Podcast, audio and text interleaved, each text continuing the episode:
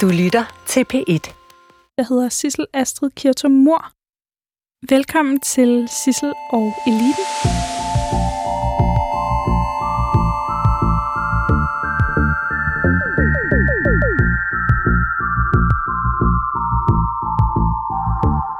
Astrid Haug, velkommen. Tak skal du have. Du er jo ekspert i sociale medier. Du sidder i en række bestyrelser. Så har du været særlig rådgiver. Mm. Og nu skal du hjælpe mig med at forstå den politiske elite.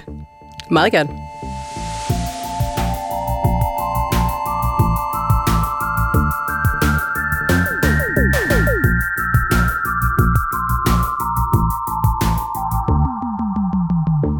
Jeg har en passion, og jeg tror måske godt, du kunne dele den med mig. Jeg går meget op i politikers selfies. Jamen, der er også mange af dem derude. Jamen, og hvordan kan det være? Jamen, det er, det er faktisk øh, ret simpelt, som jeg ser det. Altså, det er jo ikke sådan, fordi de alle sammen bare er sådan totalt narcissistiske. Det er jo simpelthen, de kigger på tallene. Så de kigger på, hvad giver likes, hvad giver kommentarer, og det er altså de der billeder. Så hvis du kigger på en given politiker, det kan være på Facebook, Instagram, LinkedIn sågar, jamen så er det altså billeder, hvor de selv er på, de klarer sig bare bedre. Og de er jo interesserede i at få så meget gratis synlighed som muligt, så derfor så lægger de mange af de her øh, selfies op. At de så måske også godt kan lide at lægge billeder op af sig selv osv., det, det skal jeg ikke kunne sige, men, men der er altså nogle, øh, nogle tal bag, og det er derfor, de gør det. Og hvad gør et godt selfie for en politiker? Jamen, er der sådan nogle do's and don'ts? Ja, altså mange selfies er jo sådan øh, relativt close up, fordi der er jo grænser for, hvor lang en arm man har, og det er ikke sådan, at de bruger alle mulige øh, selfie-sticks og sådan noget. Det er sådan rimelig håndholdt. Okay. Øh, så som regel, så er det jo relativt sådan close up af ansigtet, typisk måske sådan lidt skævt, fordi det er jo sådan, at med den ene hånd, man gør det. Øh, og så er der måske nogle pro- props, altså nogle, et glas vin, eller et dannebro, eller hvad man lige har. Måske en hund, det er rigtig godt, hvis man har en hund også. Okay, man skal have en hund med. Eller en baby, altså, Okay. du ved ikke, så... Så, så det, de billeder gør på, på sociale medier, det er jo noget, der taler til følelserne. Så på den måde, så øh, jamen, kan du sige alle mulige ting om sociale medier, der er alle mulige knapper og ting, man kan der, men i virkeligheden så handler det om, hvordan taler vi til folks følelser, og hvordan får vi brudt folks, op, eller hvordan fanger vi folks opmærksomhed, når de sidder sådan og scroller ned igennem deres øh, feed. Hov, her var lige et billede af en politiker. Hvad har han gang i nu, eller hvad har hun gang i? Og så får de sådan nogle likes. Øh, mange af likesene får de udelukkende på billedet, og så er der så nogen, der læser teksten og måske forholder sig til, er I enige eller uenige, ikke? Men alene billedet kan altså give nogle af de her likes. Har vi en dansk politiker, der ligesom er forbindelig til det her? Altså, der er jo nogen, der er øh, meget gode, og det har du lidt i alle lejre. Altså, øh, dem, der lige popper op i den ene lejr, det er jo så Pernille Vermund, mm. øh, som også er en af dem, jeg kan se, du har været øh, Ja. interesseret i. Hun gør det meget konsekvent. Altså hun lægger øh, selfies op på øh, jamen, langt størstedelen af hendes opslag, hvis det ikke dem alle sammen på Facebook. Øh, så det er jo i hvert fald en, en stil at, at lægge så mange selfies op. Og så har vi jo Mette Frederiksen, statsministeren, som jo også bruger det. Og især til de her, jamen faktisk både til de bløde og de hårde opslag. Så både sådan, nu laver jeg frikadeller, men også, nu skal vi stå sammen, og vi er i en svær tid. Øh, og det virker afvæbnende på den måde, at man, man står frem med sit ansigt. Er det vigtigt, at der er den der kombination af noget meget alvorligt, og så noget, jeg laver frikadeller? Ja, det er det faktisk, eller det fungerer i hvert fald rigtig godt, og der kan vi jo så godt sidde i det, der måske hedder medieeliten, som, øh, som man jo også kunne gå lidt hårdt til, hvis man havde brug for det, og, og, og synes, at det er lidt åndssvagt, at nu laver hun frikadeller, eller nu pusser hun vinduer osv.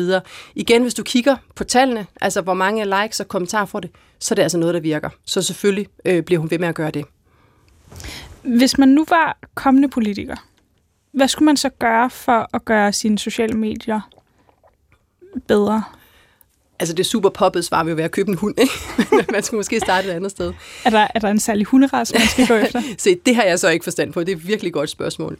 Jeg kan huske, øh, Pia Kærsgaard engang fortalte, øh, at hvis øh, bølgerne gik rigtig højt på hendes Facebook-side, så lagde hun et billede op af sin hund. Jeg mener, den hed, hed Rikke. Jeg er ikke sikker på, hun har den samme hund mere.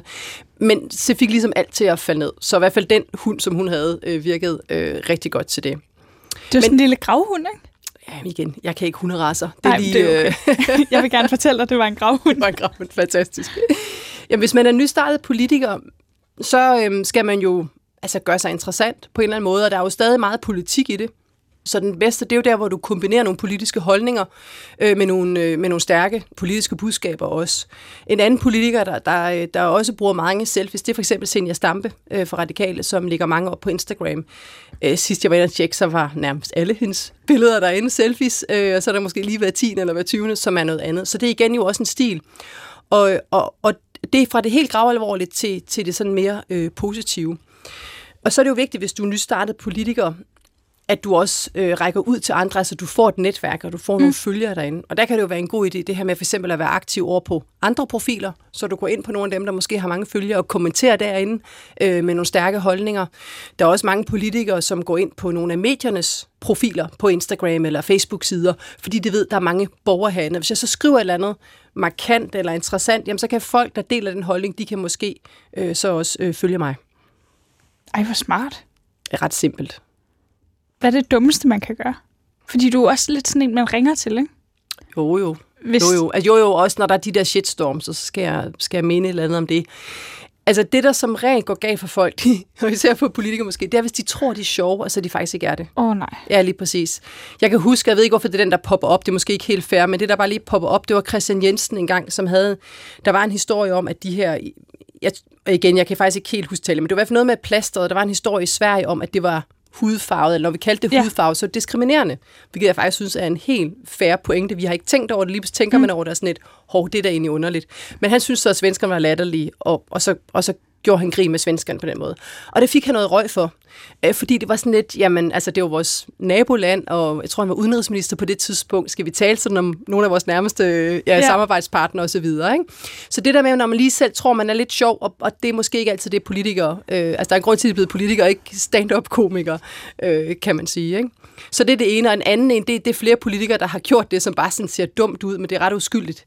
Det er, at de har fået deres øh, medarbejdere til at producere nogle øh, tweets eller opslag for dem, mm. og så kopierer de dem ind på Facebook eller Twitter, og så står der sådan forrest, forslag til tweet, kolon, og så det, de skulle tweete, ikke? Men det er jo sådan ret kikset, fordi så er det helt tydeligt, det ikke er dem selv, der har lavet det. Det er lidt mere uskyldigt. Ja. Men generelt at svine folk til at være meget grov. Øh, der er også nogen, jeg mener, det var ja, nogle socialdemokrater, som øh, forskellige mener nemlig, som, som på et tidspunkt skrev noget meget grimt om nogle fodboldspillere, fordi de var uenige med det hold og sådan noget. Altså, man skal bare tale pænt og ordentligt. Så jeg vil sige, som politiker har du et særligt ansvar. Det, det er min holdning til det, men, men det er ikke sådan specielt udbredt, kan jeg se på sociale medier. Men, men du skal ikke være den, der sådan øh, eskalerer konflikten og taler grimt om andre mennesker. Man skal være diplomatisk. Jamen, jeg synes, man skal tale ordentligt om andre mennesker eller samfundsgrupper. Øhm, og jeg synes, noget af det, vi ser på sociale medier, hvor, hvor tonen også hurtigt bliver meget grov, det er jo altså også ofte politikerne selv, der bidrager til det. Jeg har jo en dejlig, dejlig, dejlig sociolog tilknyttet til det her program, ja. som hedder Christoph Ellersgaard. Og han antydede noget over for mig, som jeg tror måske, du kan hjælpe mig med at finde ud af, om er rigtigt eller ej. jeg har beskæftiget mig med magteliten og kultureliten. Og så sagde han, at den politiske elite er nok den mest kiksede af eliterne i Danmark. Altså kultureliten, det er klart, den er jo sådan relativt tjekket, vil man sige. Ikke? Der er jo, altså, så går det jo sådan lidt på dyr i hvor man tænker sådan kulturel kapital og sådan noget. Det, mm. det er meget godt. Så har du jo så over i, øh, i øh, erhvervslivet, der har du jo sådan mere den, den økonomiske øh, kapital, og også folk med god stil. Du kan også finde folk, der er sådan rimelig kikset der. Men, men det du så har i politik, der har du jo nok mange af sådan elevrådsformændene. Ja. Og den type, og folk, der har været aktive ungdomspartier osv. Og, og der er jo også... Øh, altså, der er jo det her, man siger i sådan amerikansk øh, hvad hedder det, motto, hvor man siger, altså, politics is showbiz for ugly people. Så det er ja. måske det, I lidt er ude efter. Altså, folk, der er lidt for grimme til at være showbiz, de kan gå i politik, sådan lidt groft sagt, ikke? Men det kan man også godt grine af i, i politik selv, ikke? Men er danske politikere kikset? Altså, jeg spørger også, fordi du jo har også været en del af Obamas kampagne. Ja, mest, altså jeg var mest John Kerry faktisk tilbage i 2004. Okay. Og så har jeg været over og, og møde Obama og få taget billede med min baby og sådan noget mange år siden. Øh, og, og, og observeret hans valgkamp og, og så videre. Ikke? Men øh, det var mere tilbage hos John Kerry. Jeg var sådan ja. decideret aktiv, ja. Men er, er danskerne mere kiksede end amerikanerne? Ej, jeg vil sige, mange af de folk, der også er i amerikansk politik, er jo, altså, øh, kan jo også tiltrække nogle lidt kiksede typer, men jeg tror i virkeligheden, det tiltrækker mange forskellige typer. Så du kan finde nogen, der er... Altså, det er også spørgsmål, hvad man ligger i kikset egentlig, ikke? Er det sådan... Er det tøjstilen? Er det humoren? Altså, hvad er det, det er? Men, men det er klart, det er jo nogle folk, som altså typisk har læst nogle af de samme fag. Det er statskundskab, det er... Øh, Øh, ja, og så er det jura og økonomi. Ikke? Altså, det er den type mennesker. Og så kan man diskutere, at de mere kiksede end dem, der har læst noget andet. Men de er ikke sådan frygtelig kiksede? Nej, de er ikke frygtelig kiksede. Det er de ikke. Og slet ikke i Danmark. Altså, der går folk jo i smart tøj og altså, går op i og se tager gode selfies. Og, og... De tager rimelig gode selfies, mm. og, altså, så, så nej, de er ikke sådan super kiksede. Det vil jeg ikke sige. Hvad, hvad skal man ellers for at have en god somi-strategi som politiker? Jamen altså, man skal, jo, man skal jo først og fremmest have noget at, at, at byde på og mene noget. Og der tror jeg, det er meget godt, at øh, altså tidligere så havde man jo sådan meget inden for politik. Du skal have sådan tre-fire budskaber, og så skal du sådan slå på dem. Det, jeg synes, der fungerer meget godt i dag, det er med, at man har en eller anden niche, hvor ligesom siger, jamen, det er det her område, jeg taler om. For eksempel, det kan være meget klima, eller det kan være meget børn, eller trafik. Men at man i lidt højere grad finder en niche, som man så dyrker og får sådan et fællesskab op omkring det. Og man så i virkeligheden også bruger sine sociale medier sådan lidt aktivistisk. Mm. Så det er ikke bare sådan noget, nu fortæller jeg om, hvad jeg laver, men at man i højere grad prøver at, at, at skabe noget sammen med sine følgere og lave den sådan lidt mere en bevægelse. Ikke? Det synes jeg fungerer meget godt, de politikere, der, der gør det. Vil det være godt, hvis man altid gik op i trafik, altid at tage et selfie med en motorvej i baggrunden? Jeg tror, man skal passe på med sådan at gøre det for, øhm, for, kan man sige, man øh, for indstrenget. Nej, okay. jeg, nej, jeg tror faktisk, altså det, det er i hvert fald det, der kan være udfordringen, at du har sådan her for mange ja, dogmer, eller, eller sådan her for indstrenget. Ikke? I virkeligheden er variationen jo god, ikke? Mm. Øh, at du viser nogle, nogle, forskellige, ja, nogle forskellige sider frem. Øh, det, der bare er enormt kedeligt, øh, og som, som mange gjorde på sociale medier sådan for nogle år tilbage, det var det, det, var sådan det her med at dokumentere det, der var sket. Så i går havde vi møde, eller vi har lige haft møde om det her, hvor man ligesom siger, dem, der sådan formår at kigge lidt fremad, det synes jeg faktisk fungerer bedre. Okay. Er der forskel på, nu sidder du i en masse bestyrelse, er der en forskel på, hvordan man rådgiver en politiker og en virksomhed? Ja, det er der forskel på, men jeg vil sige, mange af, af de tricks, man kan bruge, er jo det samme. For eksempel netop at, at, at bruge selfies, øh, eller fortælle nogle historier fra hverdagen, eller at man ligesom prøver også øh, sådan at kaste lys på nogle andre, så det altid bliver så selvoptaget, eller handler om mig. Ikke? Så i virkeligheden kan man gå tilbage til sådan noget Aristoteles og snakke om, du ved, patos, ethos og, og logos, ikke? Men det her med, hvordan opbygger noget ethos, altså noget troværdighed og autenticitet, ikke? Og, og det handler jo meget om at, at, at vise for eksempel, at du er en god chef, eller at du er en god politiker, øh, og det gør man jo faktisk ved at kaste lys på andre. Så i stedet for at skrive ud på LinkedIn, nej, jeg er bare en fantastisk politiker, så kan du jo rose dit folketingsgruppe, eller dine kollegaer, eller fortælle om det her forlig, og rose måske nogen fra et andet parti, det, det kommer sådan lidt i bølger. Øh, jeg tror på et tidspunkt, Liberale Alliance startede, det er sådan en bølge, hvor så roste de nogen fra nogle, nogle af de andre partier. Og det er noget, folk faktisk rigtig godt kan lide, fordi vi jo tit sådan i, i de etablerede medier hører om alle de her skænderier og konflikter. Og i virkeligheden så er de jo faktisk øh, super gode venner derinde, øh, rigtig mange af dem. Og, og det er noget af det, jeg synes, sociale medier er rigtig godt til, også at vise den anden side af politik. Hvad synes du om de der videoer, som Liberale Alliance har lavet, hvor de prøver på at være sjove?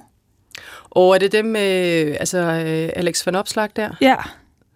Øh, jeg er ikke målgruppen, skal vi ikke sige det på den måde? Det, altså, jamen, det, altså, det er nok der, hvor jeg siger, ah, det bliver sådan lidt skolevideoagtigt, ikke? Ja, ja. Det, det er for risky at gå den vej. Jeg vil i hvert fald ikke gøre det. Jeg vil ikke gøre det. Øhm, det, man meget sjældent skal få politikere til, det er at spille skuespil. Det er nok også noget af det, sådan lidt no-go, ikke? Det, det. Tror jeg. Så er det bedre at sætte dem sammen med nogle, øh, altså nu siger nogle børn, eller nogle teenager, nogle førstegangsvælgere, og som stiller nogle sjove spørgsmål, nogle skæve spørgsmål, altså hvor du får noget autentisk. Mm. Det, øh, det tror jeg er ret vigtigt. Et eksempel lidt, øh, også som Liberal Alliance, det var jo Anders Samuelsen, da han var formand, hvor han så sad og lavede sådan noget bottle flip, og brugte yeah. utrolig meget tid på det. Og der kunne man jo godt sidde sådan som voksen og sige, kæft hvor var det underligt, og hvad skulle vi se det for? Men det fungerede faktisk ret godt, og der var rigtig mange, især rigtig mange unge mennesker, som, som så det, og hvor han lige pludselig dukkede op i nogle helt andre sammenhæng. Så man skal også som politiker nogle gange tage nogle chancer, og gå lidt uden for sådan den der hvad er ligesom etableret, at, at det gør vi som politikere? Jeg får Sofie Carsten Nielsen på besøg snart. Ja. Skal jeg foreslå hende at komme på TikTok? skal jeg så godt sige, at jeg kender Sofie, fordi jeg har arbejdet øh, i, i Radikale også. Øhm, åh, det er et meget godt spørgsmål. Altså, mit helt ærlige svar vil nok være, at der vil være nogle andre kandidater i Radikale, eller nogle, altså, som, som vil egne sig bedre til TikTok end lige hende. Ikke? Jeg tror, hun er meget godt kørende på Facebook og Instagram. Hun kunne sikkert give den mere gas på LinkedIn. Det er mere... Altså, er LinkedIn simpelthen også en ting for politikere? Ja, det er det. Altså, nu, nu havde du også sendt noget Søren Pape yeah. til mig. Han Altså, han giver den max gas på LinkedIn, og det er faktisk øh, altså, ret underholdende, synes jeg. Og han er virkelig god til at lave de her opslag, hvor han så netop mobiliserer og skaber noget kampagne derovre, ikke? Hvad er det, LinkedIn kan som socialt medie? Fordi jeg har jeg beskæftiget mig med magteliten nu, ikke? Jo. Og alle taler om det. Jeg er derinde, og jeg fatter ingenting, Astrid. Nej, det er meget sjovt. Altså, altså LinkedIn er jo sådan lidt det kedelige af de sociale medier. Så langt, så godt. Ja. Øh, det går lidt langsommere. Det vil sige, at man kan godt lægge noget op, der er sket i går eller i forgårs eller for tre dage siden. Det gør ikke så meget. Det gør det også lidt rarere for, for mange af os, der øh, har Okay. rundet de 40. Så kan man ligesom stadig Man skal ikke lidt med. Man skal ikke stresse på LinkedIn, nej. Man skal tage det stille og roligt. Man må gerne være faglig og nørdet. Man må gerne gå op i sit job og sin karriere og sine bestyrelsesposter. Det er helt okay på LinkedIn. Hvorimod på nogle af de andre, så skal du helst være lidt sjov, eller det skal være sådan lidt, lidt glitter, eller et eller andet. Ikke? Det behøver det ikke på LinkedIn. Og, og billederne nogle gange er også lidt uskarpe og sådan noget. Så det, det kan, der kan man måske tale om, at det er sådan et godt sted for folk, der er sådan lidt, øh, altså, som er lidt kikset på den der, øh, kan man sige, sådan professionelle måde. Ikke? Det fungerer rigtig godt. Men det er jo rigtig godt til blandt andet at holde øje med, hvad der sådan sker i branchen, hvem der får nye jobs, og hvad folk de skriver, og hvad de er optaget af, og hvad nogle af de her sådan, topchefer lægger op. Og så kan man jo så også se, øh, fordi hidtil vil man sige, at politik og LinkedIn ikke var sådan en, en super god kombination. Fordi på LinkedIn, der er folk, der er jo med deres øhm, øh, professionelle titel. Mm. Så de er der som øh, direktør, eller læge, eller øh, medarbejder i et ministerium, eller et eller andet. Og så er det rigtig svært for dem at være politiske. Så hvis en polit- politiker lægger noget op, jamen kan de så like det og kommentere på det, fordi så blander man lidt for meget kasketterne sammen. Øhm, men, men der kan jeg altså se, at der, der er sket et skifte. Øh, men der er heller ingen tvivl om, i hvert fald dem, som jeg primært følger derinde, eller lagt mærke til, det er nogle af de borgerlige politikere. Altså det er en Søren Pape, eller en Mona Jul også, øh, fra Konservativ, øh, som, øh, som har fundet en form, hvor, hvor de virkelig får stor øh, opbakning derinde. Så øh, sådan en som øh, Sofie Carsten Nielsen, vi helt klart også øh, kunne fungere bedre på LinkedIn end på TikTok. Så har jeg vist ikke sagt for meget.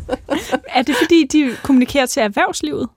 Det er erhvervslivet, og så er det, altså, så er det jo sådan de kolde hænder, der er på, øh, på LinkedIn. Ikke? Så du har de varme hænder, altså sosuer, sygeplejersker, pædagoger og læger. De er mere over på Facebook, og til Ja. dels Instagram, dem der er lidt yngre af dem, og, og, og dem der er helt unge vil så også være på Snapchat og TikTok. Så, så de, sådan, nu kalder lidt de- de kolde hænder, men altså folk med længere uddannelser, øh, sådan djøffer, CBS'er, som man siger på LinkedIn, det er sådan en amerikansk øh, undersøgelse, øh, at folk på LinkedIn, det er typisk, øh, de har typisk en, en længere uddannelse end gennemsnittet, og de tjener også mere end gennemsnittet. Så har du ligesom dit segment der. Og det er derfor, du gerne vil være derovre, ikke? Jo, Sissel? selvfølgelig. Det er da også derfor, jeg tænker, hvad fanden skal jeg gøre for at gøre den LinkedIn bedre? Jamen, du skal fortælle, altså, jamen, prøv lige at høre, hvis du efter hver udsendelse, du har, fortæller din oplevelse, hvad du har lært, tre ting, du har lært, mm. det vil være mega interessant at, at læse med om. Og så vil du få nogle gode snak om det. Du kan også Og så lægger jeg også et link op. Link op. Øh, ja, og et selfie med den Ja. person, ikke? Selvfølgelig. Ja. Har du taget selfies med alle de folk, der har været i dit program? Nej, Astrid. Det er jo, Og det gør det er jo ondt på kikset, vil jeg så sige. Er det mig, der har kigget nu? I hvert fald ustrategisk. meget, meget ustrategisk. Mm. Men hvilken, hvilken politiker kunne man godt tænke sig at komme på TikTok? Jeg frygter jo, at det bliver Alexander Van Opslag, Ja, der ja, er ja. den første. Og jeg kan ikke holde til flere af de der sjove videoer. Nej, men altså, man kan jo så selv bestemme, hvem man vil følge. Altså, jeg synes, det skal... Altså, det er jo selvfølgelig... Det, det, det kan være min egen fordom om, øh, om, om, om politikere og TikTok, men det er nok bedst for nogle af dem, hvor det kommer lidt naturligt. Ja. Øhm, som er lidt yngre. Altså, hvis der var en politiker, der havde lidt en dansebaggrund eller sådan noget, så er det måske også en fordel. Måske en politiker, der rent faktisk også kunne, kunne synge, eller i hvert fald mime, eller et eller andet. Ikke? Der er jo mange af de der TikToks, ikke? Øh, men der, man ser også mange på TikTok. Altså, det kan være... Øhm, altså læger og præster, altså folk, der gerne vil agitere. Øh, min søn på, øh, på 13, han kom den anden dag, så viste han mig øh, det israelske forsvar, hvordan de var på TikTok. Hvordan var- er de på TikTok? Jamen, det var, øh, altså, det var sådan et rimelig hæftigt indhold, som, som jeg i hvert fald tolkede var til den yngre målgruppe om, at, at det, der skete i Israel på det tidspunkt her for noget tid siden, jamen, det kunne lige så godt være sket i Paris og London osv. Altså sådan en slags moderne propaganda. Ikke? Øhm, så det er bare for at sige, alle dem, der har en interesse i at påvirke folk på den eller anden måde, de har allerede fundet ud af at bruge TikTok. Så derfor giver det jo god mening også for politikerne at bruge det, men det skal også bare være troværdigt samtidig. Så, så nok typisk nogle af de lidt øh, yngre kandidater. Men det kunne være en god mulighed, nu spurgte du tidligere, hvis man nu var en ny kandidat. Mm. Og der kan det være en god mulighed for en ny kandidat at starte på nogle af de her nyere platforme, altså som TikTok, eller lave en YouTube-kanal, eller nogle af de her ting, som vi ikke har set så mange politikere gøre med succes. Går det på Facebook, så er det til gengæld totalt overbefolket af politikere. Ja, fordi Rasmus Paludan er jo et meget godt eksempel på en, der har klaret det Præcis. virkelig godt på Ja, YouTube. og det var YouTube, og det var jo, han er jo så nærmest den eneste politiker, som har formået at skabe en, en sådan velfungerende YouTube-kanal, ikke? Hvordan har man det så som social medieekspert? Bliver man imponeret? Eller bliver man nervøs? Ja, man bliver også lidt skræmt, ikke? Ja. Altså, man bliver lidt skræmt over, øh, hvor effektivt, altså, hvor, også nogle gange, altså, hvor relativt simpelt det er at afkode de der ting. Fordi det, der jo blandt andet fungerede for Paludan, det var, at han havde sådan nogle ret altså, gode, i citationstegn, overskrifter, ikke? hvor han virkelig på måde at, at vinkle det på en måde, hvor man tænkte, nej, det her, det bliver jeg nødt til at se. Vi brænder koraner af, eller sådan nogle ting. Jamen, det var fuld clickbait. det jo totalt clickbait, ikke? Og det, og det er det, der fungerer rigtig godt på YouTube. Fordi man siger, at omkring 80% af indholdet, det bliver fundet via øh, altså algoritmen, mm. det som YouTube anbefaler dig. Og der lå han i hvert fald i lang tid i nogle af de der anbefalinger, og det var jo så især det her helt unge, unge segment, som han formåede at, at infiltrere, eller hvad man kan sige, påvirke. Kunne man gøre det samme på, på TikTok, jamen så vil det selvfølgelig være interessant med henblik på måske især sådan førstegangs øh. Jeg tror altså, jeg vil lave et TikTok-kursus til politikere. Kunne Ja. det ikke være et meget godt marked? Øh, jo, det vil være super godt. Men skal de så tale politisk på TikTok, eller skal de danse? Ja, men du, nej, de skal tale politisk. Du kan godt tale politik på, på TikTok. Altså, man snakker om, der er sådan en altså alternative øh, TikTok, som netop er det her meget politiske TikTok, øh, hvor, man, øh, ja, hvor man taler om politik, men det er som om, der er sådan lidt nogle parallelle universer. Så du har det her sådan lidt My Little Pony-univers, hvis man skal være lidt grov, altså hvor du danser og, og, og tager pænt tøj på og sminker osv. Og, og hygger sig, og så har du den mere politiske del. Øhm, så vidt jeg ved, at den ikke er så stor i Danmark, men det kan den jo blive. Så det medie kan jo også godt ændre sig, ligesom vi ser netop øh, LinkedIn er, bliver mere og mere sådan øh, politisk.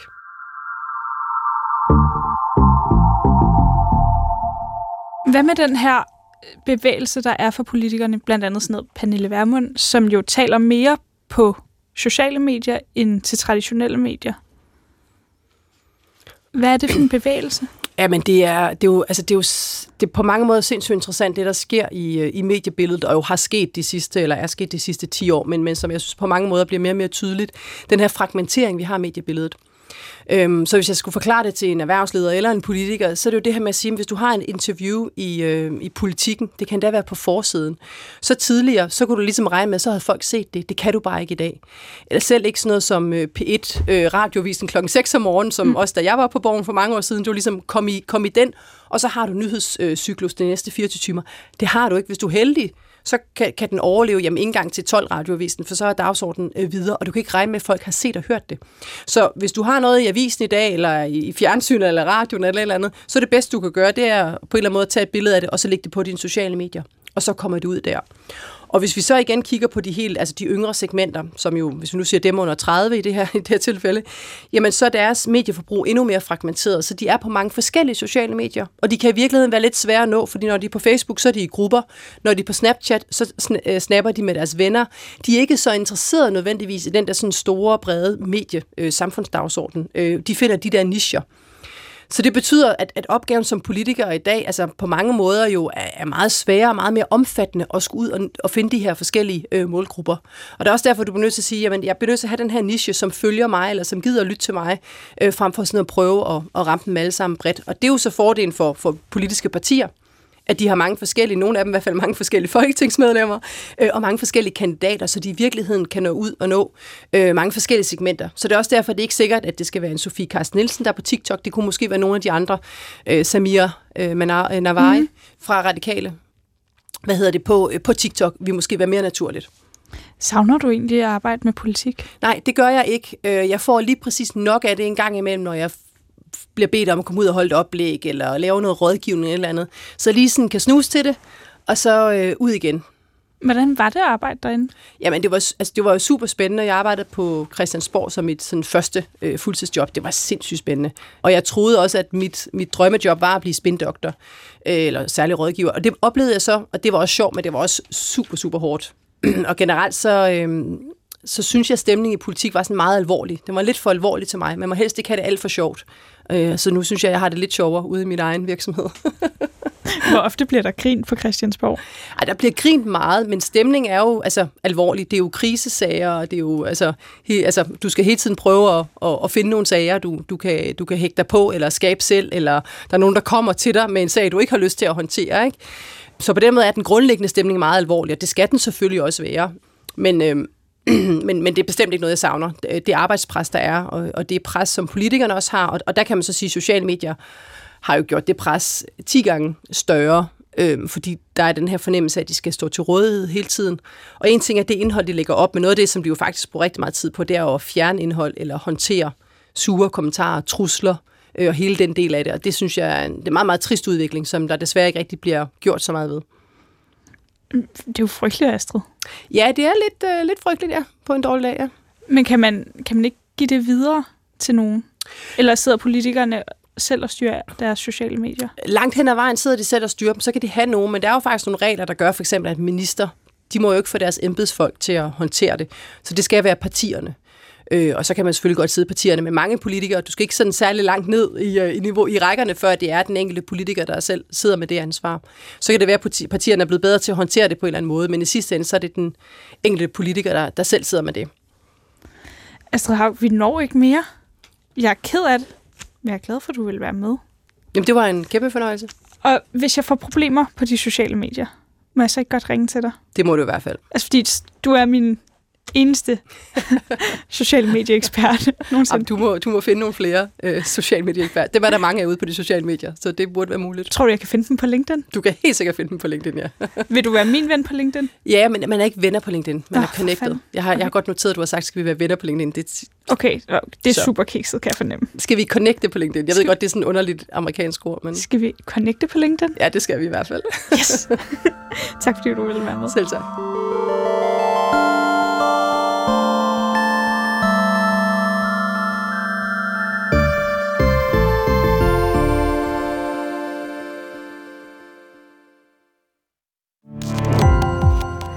Gå på opdagelse i alle DR's podcast og radioprogrammer. i appen DR Lyd.